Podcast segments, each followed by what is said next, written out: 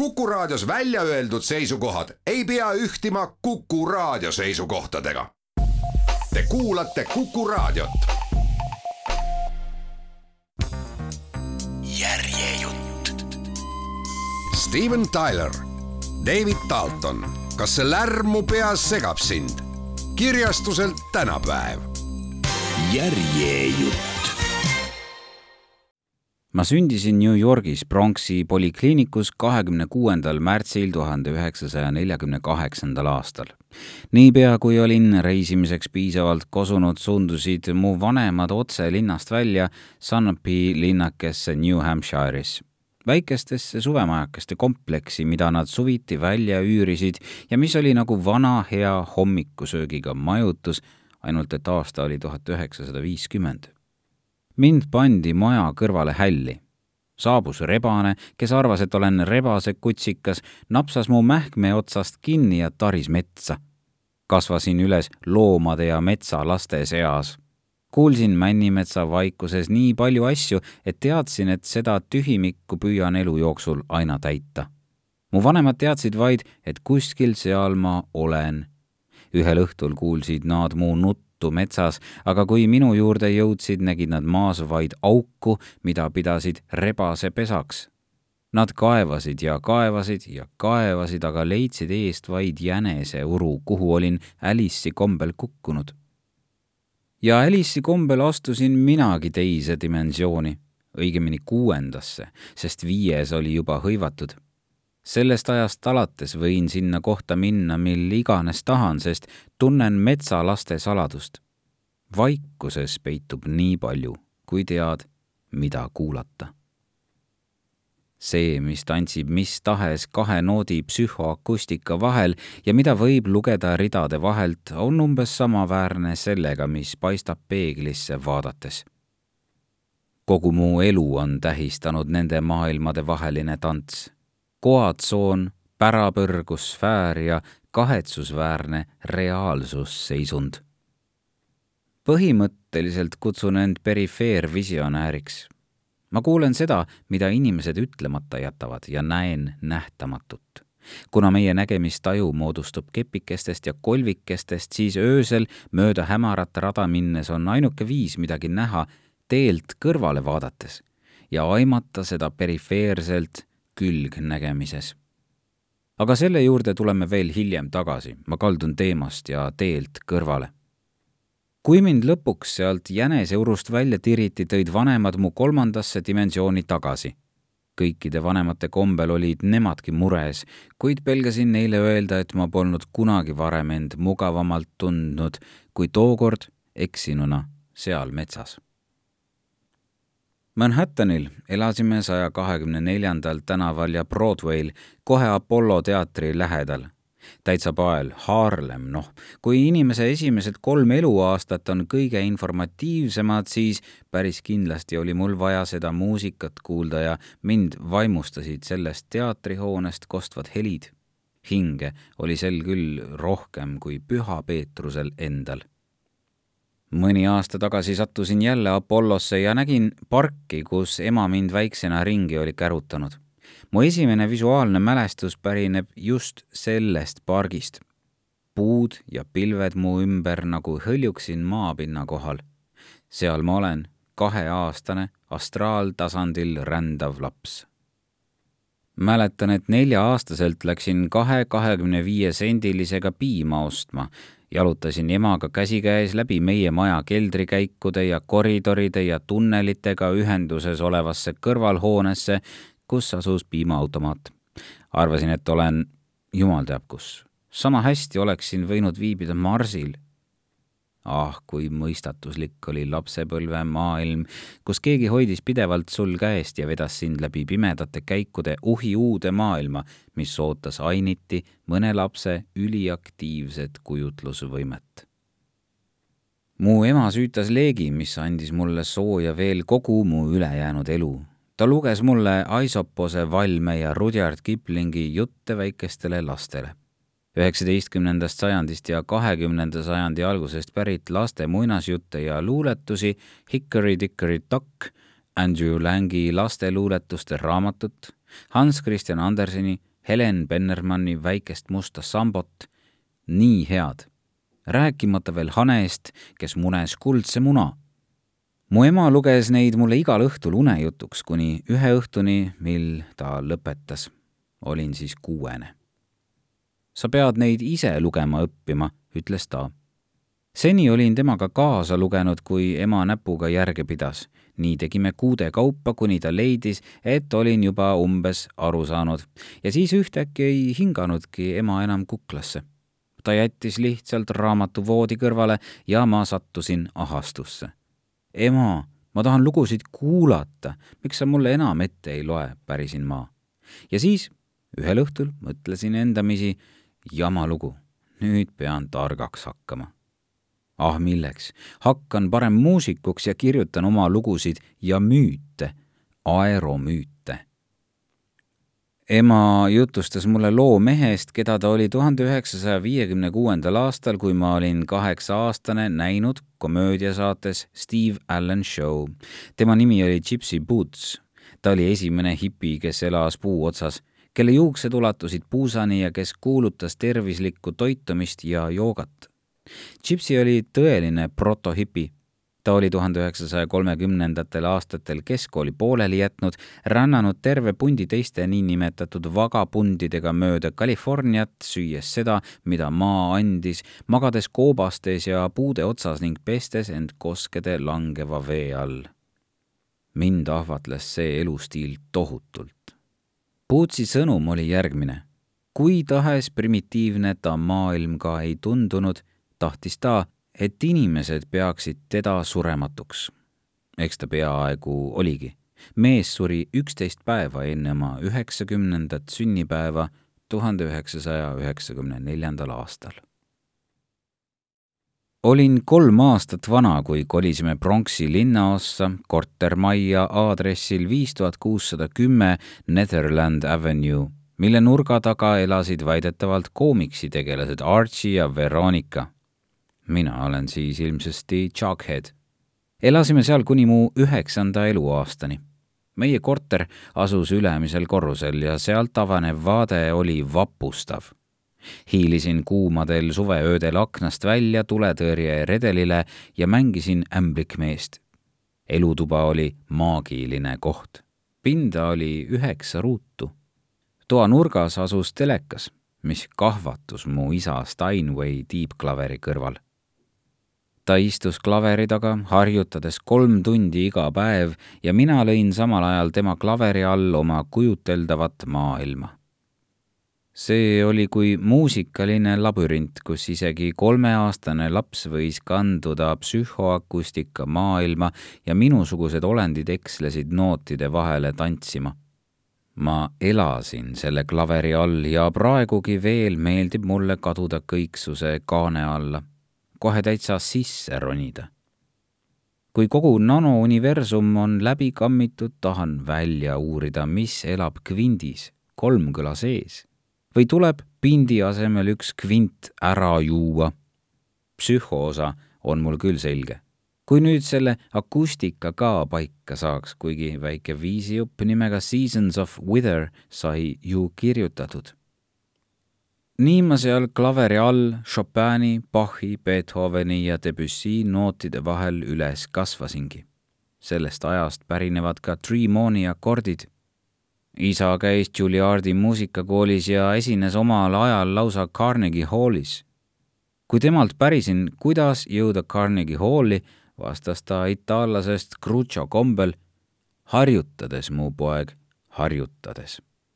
klaver oli tema armuke igal klaveriklahvil oli tema jaoks eraldi isiklik ja emotsionaalne resonants. ta ei mänginud mehaaniliselt, jestas iga mängitud noot oli nagu esimene suudlus ja ta luges muusikat, nagu oleks see tema jaoks kirjutatud. mäletan, kuidas roomasin klaveri alla, lasin sõrmedega üle kõlakasti ja kompasin ringi. see oli veidi tolmune ja kui üles vaatasin, langes tolm mulle otse silma saja aasta vanune tolm, iidseklaveri tolm. see langes mulle silma ja mõtlesin, oh sa, Beethoveni tolm, sama kraam, mida ta sisse hingas. see oli ehtne Steinway tiibklaver, mitte mõni väike pianino toanurgas, vaid suur ja läikiv mustvalge kirjude hammastega sünkjas vaal, kes ujub minu mõtetes süvikus ja ümiseb seal madalaid kummalisi meloodiaid, mis pärinevad mulle tundumatutest paikadest. kakskümmend tuhat ljööd vee all kahvatub selle kõrval kunagi hiljem külastasin uuesti maja, mis asus aadressil viis tuhat kuussada kümme Netherland Avenue koputasin oma endise kodukorteri 6G uksele. möödunud oli mitmeid aastaid ja uksele tuli aluspesus maikaväel purjus mees. paps, küsisin ma. ta kallutas pead nagu plaadifirma RCA Recordsi koer Nipper. tere, mina olen, alustasin ma. oh, ma tean hästi, kes teie olete, ütles ta. telekast, mis te siin teete? ma elasin kunagi siin, ütlesin ma. no tõstke siis üüri, kostis ta. astusin sisse ja vaatasin ringi ja kas ei ole alati nii, et korterid, kus üles kasvasime, tunduvad ühtäkki nii palju väiksemad kui kolmkümmend aastat tagasi. püha jumal, köök oli nii tilluke, vaid seitse ruutu. toas, mida jagasime õe Lindaga ja mu vanemate hoovipoolses magamistoas, neis poleks seisukohtagi saanud vahetada, rääkimata siis veel riietest. kuidas oli mu isa üldse Steinway tiibklaveri sinna elutuppa sisse pressinud? Nii imelik oli näha seda õiget tillukest korterit veel tillema mustvalge teleri ekraaniga, kust olin krõllis silmadega ainiti vahtinud Mikki Hiire klubi ja Disney imelist maailma, mis lasti esmakordselt eetrisse kahekümne seitsmendal oktoobril tuhande üheksasaja viiekümne neljandal aastal. Sellest, et elasin kolmeaastaselt klaveri all ja nägin kuueaastaselt, kuidas mu mustvalge telemaailm värviliseks muutus, piisas täiesti, et mind ülejäänud eluks ette valmistada. ma ei mallanud ära oodata, mil saaks ellu sukelduda. mu isa mängis klaverisonaate nii tundeküllaselt, et nende vibratsioon ulatus minus luudeni välja kui kuuled sellist muusikat algusest lõpuni päevad läbi, süübib see sügavale sinu psüühiasse. noodid vibreerivad su kõrvus ja ajus. seetõttu võivad su tunded kogu ülejäänud elu hõlpsasti alateadvuses muusikaga samastuda. enamik kulda sõeluvatest inimestest, kes otsivad seda üht ekstaatilist momenti, leiavad selle kõigepealt omaenda seksuaalsuses. siis saavad nad orgasmi ja opadii ongi läbi. nüüd kujutage ette kedagi, kes uurib ja avastab, otsides ehk oma saatust.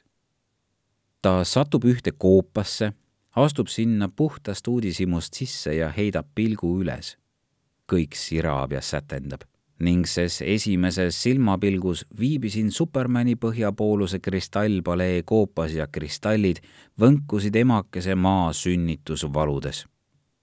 ma ei teadnud, mis see on, mida ma kuulen, ega mõistnud toona, kust see pärines, vahet ei olnudki, tahtsin saada osaks sellest ja enese teadmata olingi see oli tõeline võlukunst. isa kutsus neid kristallseid hetki esile pühade sonaatide noote mängides. see oli segu Ima Sumaki ja Küürvaala laulust. Need jumalikud helid lausa huugasid minust üle. pronksis sattusin pidevalt tänavakismadesse. Need võisid kesta poolteist tundi ja koju jõudsin siis üleni verisena keskkoolis tehti minu kulul kõvasti nalja. juudipoisse kiusati pidevalt. Nad said näha seda osa elust, mida teine leer ei näe, eelarvamust. minu peale sülitati ja mind kutsuti neegri huulteks. teised lapsed näpistasid mu kõrvanibusid, mis käreda külmaga tegi eriti haiget see, et mind bussipeatuses kiusati, osutus siiski mu lunastuseks eks ma alguses haavusin, kuid niipea, kui ma laulma õppisin, tundsin selle hüüdnime üle vägagi uhkust. sest siis taipasin, et need on mu juured.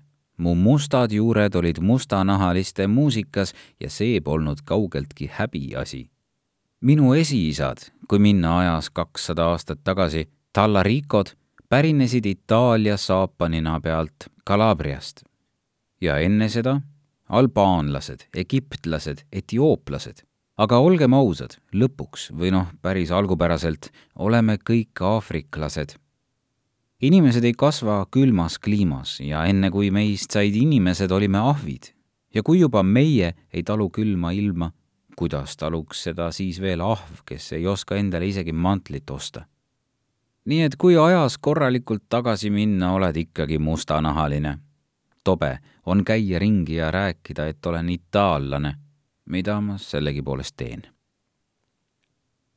minu viis vältida koolis kolki saamast oli hakata bändis trummariks. mu esimese bändi nimi oli The Strangers, Don Solomon, Peter Stahl ja Alan Stoomaier Peter mängis kitarri, Alan basskitarri, Don oli laulja ja mina mängisin trumme me sättisime oma asjad koolikohvikus üles ja esinesime pärast tunde.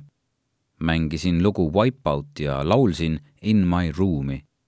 keskkoolis kiusuohvriks langemata käimise saladus peitub meelelahutuses. ka paksud inimesed muutuvad naljakaks, räägivad nalju ja pilavad teisi, siis jäetakse nad rahule. mina olin kiitsakas, suurte huultega ja tola seepärast kasvatasin juukseid ja mängisin bändis trummi, siis minuga lepiti. isa oli mulle muusikast palju rääkinud, seega oli rock n roll osa minu kampaaniast nimega Palun ärge visake mind üle kosmoselaeva parda. olin elevil ja suurtest staaridest pahviks löödud.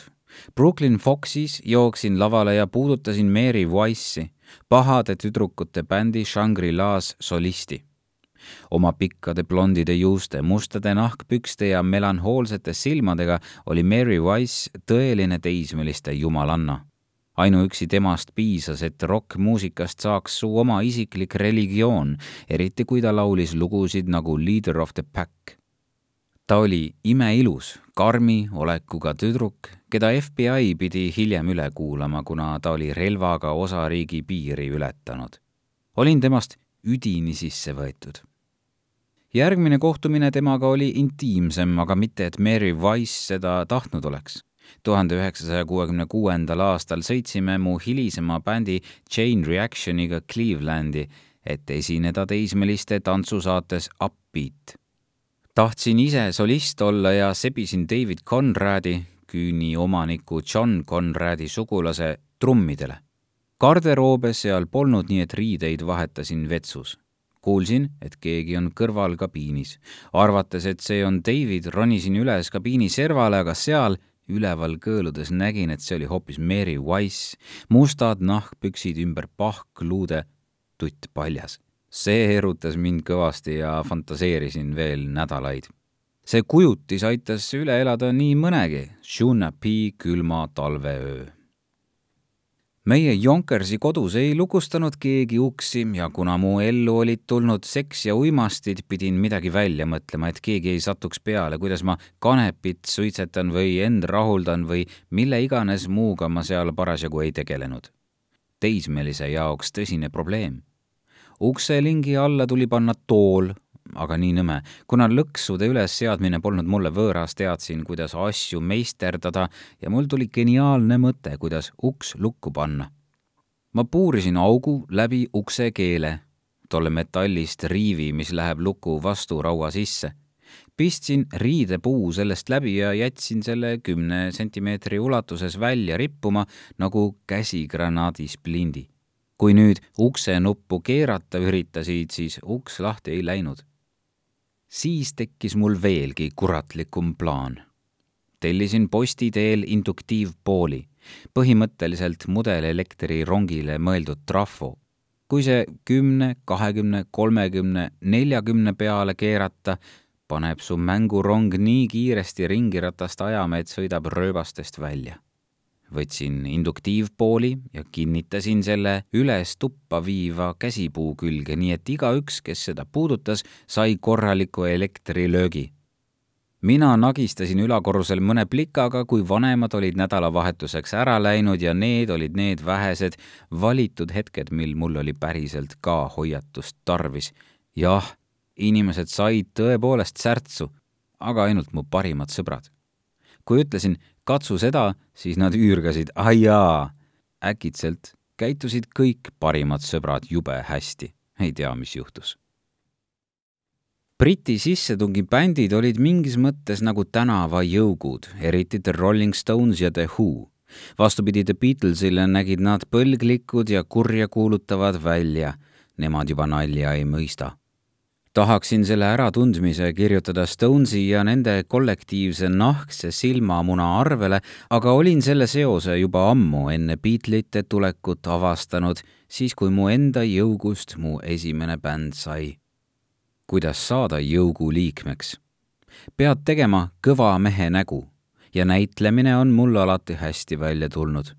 ma ei olnud mingi kõva mees olin pikk ja kitsakas ja mulle meeldis mu oma veider maailm.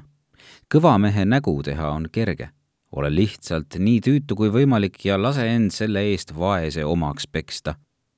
sekka mõni idiootne või illegaalne asi, näiteks jookse alasti üle Central Avenue või näppa jõugu jaoks asju, kui neil siis eriti lahke tuju on, lubavad nad su enda sekka Rooseveltis oli üks kutt nimega Ray Tabano, kellest sai hiljem mu eluaegne sõber. meie sõprus sai alguse sellest, et kamandasin ta oma puu otsast alla. ta oli selle otsa roninud. kasi mu okstelt minema, karjusin ma. maksin selle eest paar päeva hiljem valusalt, kui ta mu läbi peksis, aga asi oli seda väärt, sest lõpuks saigi minust jõuguliige, kuigi seda võiks pigem nimetada klubiks, mille nimi oli Green Mountain Boys Rohelise mäe poisid. jõuku kuuludes olid kaitstud ka keskkooli karmima külje eest. pealegi meelitas see ligi tüdrukuid. Neile ikka lähevad sellised sitapead peale. neljateistaastaselt käisin Reiga tema isa baaris, mis asus Morris Park Avenue'l Bronxis. Polnud aja veetmiseks üldse kehv koht. ta lubas meil isegi õlut juua seal esines Bronxi kohalik R'n'B punt The Bell Notes ja pauside ajal laulsime Reiga nende tuhande üheksasaja viiekümne üheksanda aasta hitti I've had it. mängisime ka vana Leadbelli lugu Cotton Fields, aga üliõpilaste rahvalikus Highwaymani stiilis, kes tuhande üheksasaja kuuekümne teisel aastal selle versiooniga hiti lõid hiljem kuulusin koos Reiga bändi nimega The Dantes mis arenes välja Green Mountain Boysist. samal ajal mängisin endiselt Strangersis. The Strangers oli rohkem Beatlilik ja pop, The Dantes tumedam ja Stonesisem. The Dantesi koosseisus esinesin täpselt üks kord lugu sellest, kuidas The Strangers oma esimese mänedžeri sai ja kuidas minust bändi solist sai, tuleneb samuti omamoodi jõugu asjust rei ja varastatud nodi kaudu. olin varastanud igasugust kraami Jonkersi väikesest nurgapealsest juudi kommipoest, kus pidasin limpsikraanide juures ametit. kui alla keldrisse inventuuri tegema läksin, haarasin sealt komme ja sigarette kaasa ning andsin need Reile edasimüümiseks. siis liikusin edasi Shopwelli supermarketini Central Avenue'l. seal olid asjad, karbid ja kastid juba suuremad poe juhataja oli Peter Agosta ja vältimaks seda, et ma laoruumist asju välja ei liigutaks, pani ta mu hoopis ostukorve koguma. nii olin tal pidevalt silma all. miks ta mulle lihtsalt kinga ei andnud, seda ei saa ma kunagi teada. ütlesin talle, et mängin bändis ja tema tahtis meid esinemas näha, seega lubasin kutsuda ta järgmisele kontserdile, milleks osutus Art Carney tütre kuueteistkümnes sünnipäevapidu selle otsa sebis meile mu isa, ta õpetas Carney pojale klaverit. Peter Agostale meie punt meeldis, aga tema meelest oleksin mina pidanud solist olema. jess! trummidele saime Barry Shapiro.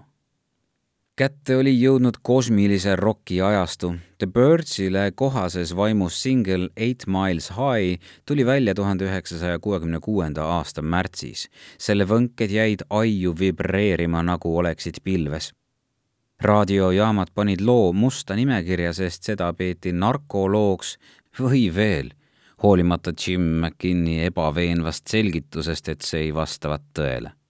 Eight Mile High oli stratosfääriline Rickenbackeri sümfoonia. peagi läksime Ray Tabanoga üle semikriminaalsete tegevuste peale kanepi suitsetamise harjumuse rahastamiseks hakkasime väikeseid savukoguseid edasi müüma. Osta üks unts kahekümne dollari eest, müü neli ära ja jäta kaks endale. see oli äge diil, millega odavalt kaifi kätte saada, kuniks meie kooli keraamikatundi paigutati salajane pealekaebaja, kelle nime ma jätan mainimata saate aru, raisk, keraamikatundi, ta võttis meid viimaks vahele, aga enne veel müüs ta meile viiedollarise kotikesi head kraami, mille ta oli koorinud kellegi järgmise vaese pässi käest, kes lõpuks vahele võeti tuhande üheksasaja kuuekümne kuuendal aastal, üheteistkümnendal juunil korraldas Henry Smith meile esinemise Connecticutis Westporti linna uisuväljakul. tegime seal pärastlõunal proovi, soundchecki lootsin, et kohale tuleb palju kohalikku rahvast, sest meil oli Connecticutis väike järgijaskond. olin Henry Smithi elavat legendi kohanud tuhande üheksasaja kuuekümne viienda aasta suvel Shunapis, temast sai lähedane sõber ja minu elu üks võtmeisikutest. Meie sound avaldas talle muljet juba küüni ajal, kus mängisime Stonesi lugu Everybody needs somebody to love, The Kingsi You really got me'd The Birdsi versiooni loost Mr Tambourine Man ja igast muid tolle aja hitte, nagu Kuldvaramu Louie Louie ja Money. Henry ja tema vend Chris, bändi esimene fotograaf, hakkasid meile Connecticutis esinemisi sebima. igal hommikul enne kooli täitsin plasttopsi Dewarsi viski või viinaga ja kõmmutasin selle endale sisse. enne kuivatasin veel juukseid, et järele mõelda, Think about it, nagu ütles The Yardbirdsi viimane singel. võtsin tolmuimeja vooliku ja toppisin selle õhu välja laskeauku, nii et see üle kuumeneks, lülitasin masina sisse, läksin ülakorrusele ja sõin hommikust. selleks ajaks, kui ma tagasi alla jõudsin, oli tolmuimeja kenasti soe ja sain föönitada oma märjad juuksed sellisteks nagu Brian Jonesil. kiharad peavad ikka õiged olema nõelusin oma kauboisaabaste külgede peale nööbid ja püksisääre sisse sidusin hambaniidist kolm-neli silmust, mis siis omakorda saapanööpidele külge kinnitada, nii et mu püksid kunagi üles ei tuleks. mulle meeldis sedasorti asju teha. olin marutõbine rokkiv moepeni. nii läksin igal hommikul kooli, sättides end valmis tervelt tund aega ja seepärast sain alati õiendada iga päev veeti mind direktori kabinetti. Tallarico, sa näed välja nagu tüdruk, ütles ta. püüdsin selgitada. see on osa minu tööst, ma olen rokkmuusik, söör. see ei aidanud mind ühti. tuhande üheksasaja kuuekümne kuuenda aasta talvest kuni tuhande üheksasaja kuuekümne seitsmenda aasta kevadeni sai Chain Reaction järjest häid otsi. osalt tänu Pete Bennettile mängisime tantsupidudel koos WMCA Good Guysi plaadikeerutajatega, tegime eelsoojendust bändidele nagu The Left Bank, The Soul Survivors, The Shangri-Las, Leslie West and the Vagrants, Jay and the Americans ja Frank Sinatra Junior. ühe meie kontserdi teadvustajaks oli Little Richard, esimene omataoline sõge tegelane, kes tegi pidevalt igast hulle tükke. ta oli puhtapöörane ta võis olla üdini jokkis ja ometi teovõimeline. ma ei tea, kuidas kurat ta seda tegi. ta tarvitas amüülnitraati, see on päris jube kraam. ma pole oma elus öelnud ära väga paljudele narkootikumidele, aga tolle värgi peale ütlesin küll tänan, ei.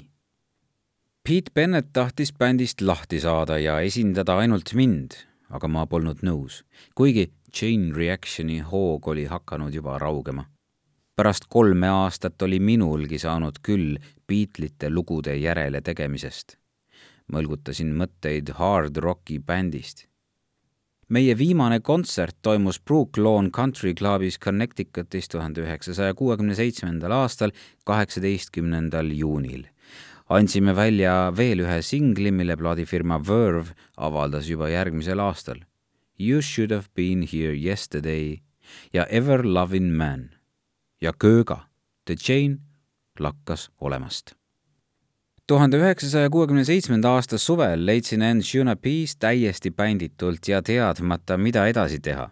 olin kohalik staar, kelle albumeid sai plaadiautomaadis mängitada. kuid nüüd küsiti minult kodukandis, noh, kus te esinete? samal suvel alustasin veel üht bändi nimega William Proud, kus soolokitarri mängis Twitty Farron. Twitty oli varem mänginud Anchorage'is koos mingi tüübi Smithiga. Twitty ja Smithi olid New Hampshire'is kõvad sõnad. Nad tegid Simon and Garfunkelit ülihästi järele, mängides lausa äravahetamise sarnast versiooni loost Sounds of Silence esinesime suvel Southamptonis ja seal kirjutasime Somebody, mis on ka Aerosmithi esimesel albumil. Kirjutasime Don Solomoniga enamiku varasematest Chain Reactioni lugudest koos, aga Somebody, mille kirjutasime koos Steve Emsbackiga, näitas mulle, et olen võimeline kirjutama head lugu. sisemine hääl üürgas, hakkame aga pihta. When I needed you Chain Reactioni esimese singli B-pool kõlas veidi Yardbirdsilikult, aga Somebody oli puhas Yardbirds. The Yardbirds oli nii pentsik ja etteaimamatu bänd. Nad kirjutasid poplugusid nagu For Your Love minoorhelistikus, mis kõlas nagu mingi kurja kuulutav itk. ma räägin täiesti segastest ajas rändavatest R'n'B munkadest, Gregoriuse laul, ebamaine Austraalia wobbleboard klavessiinid ja bongod, nad põhimõtteliselt leiutasid roki soolo kui eesmärgi iseeneses. The Yardbirds kasutas väikeseid tertse ja kvarte nagu alkeemikud. Nad olid tõesti kõige esimene progressiivse rokibänd, kasutades idamaiseid meloodiaid Over, Under, Sideways, Downis ja üürgavaid sireene Happenings ten years time ago's. mulle meeldisid tohutult nende veidrused ja salapära kui Henry Smith Zeppelini heaks töötas ja Jimmy Page oma kõlarid läbi lasi, saatis Henry need mulle. Mul oli kaks paari New Hampshire'ist saadud hiiglaslikke kaheksaharulisi hirvesarvi ja ma panin ühe oma voodi vasaku peatsiposti külge, teise paremale. kõlarid olid ka seal, paksult fosforessentse värviga kaetud, viis-kuus kihti, nii et kui neile valgust näidata, kumasid nad igavesti või vähemalt kümme-viisteist minutit, kuid kui olid kanepit suitsetanud või hallutsinogeenе manustanud, nagu me keskkoolis ka tegime, piisas sellestki. mina muudkui joonistasin Beatlesi ja Stonesi postritele vuntse ja määrisin fosforessentse värviga kokku kõik sahtlid ja sahtlinupud, nii et kui öösel magama läksin, nägi mu tuba välja nagu psühhedeelne koobas ma tegin kogu kummuti serva ja Simsi täpikesi täis. täpp, täpp, täpp. äkki sealt sai alguse ka mu kolme punkti armastus. Siis jälle üks suur lärakas ja kogu mu tuba oli fosforessentset värvi täis, kuus kihti, nii et ikka käraks ja valgust salvestaks. järjejutt. Steven Tyler, David Dalton kas see lärm mu peas segab sind? kirjastuselt tänapäev. järjejutt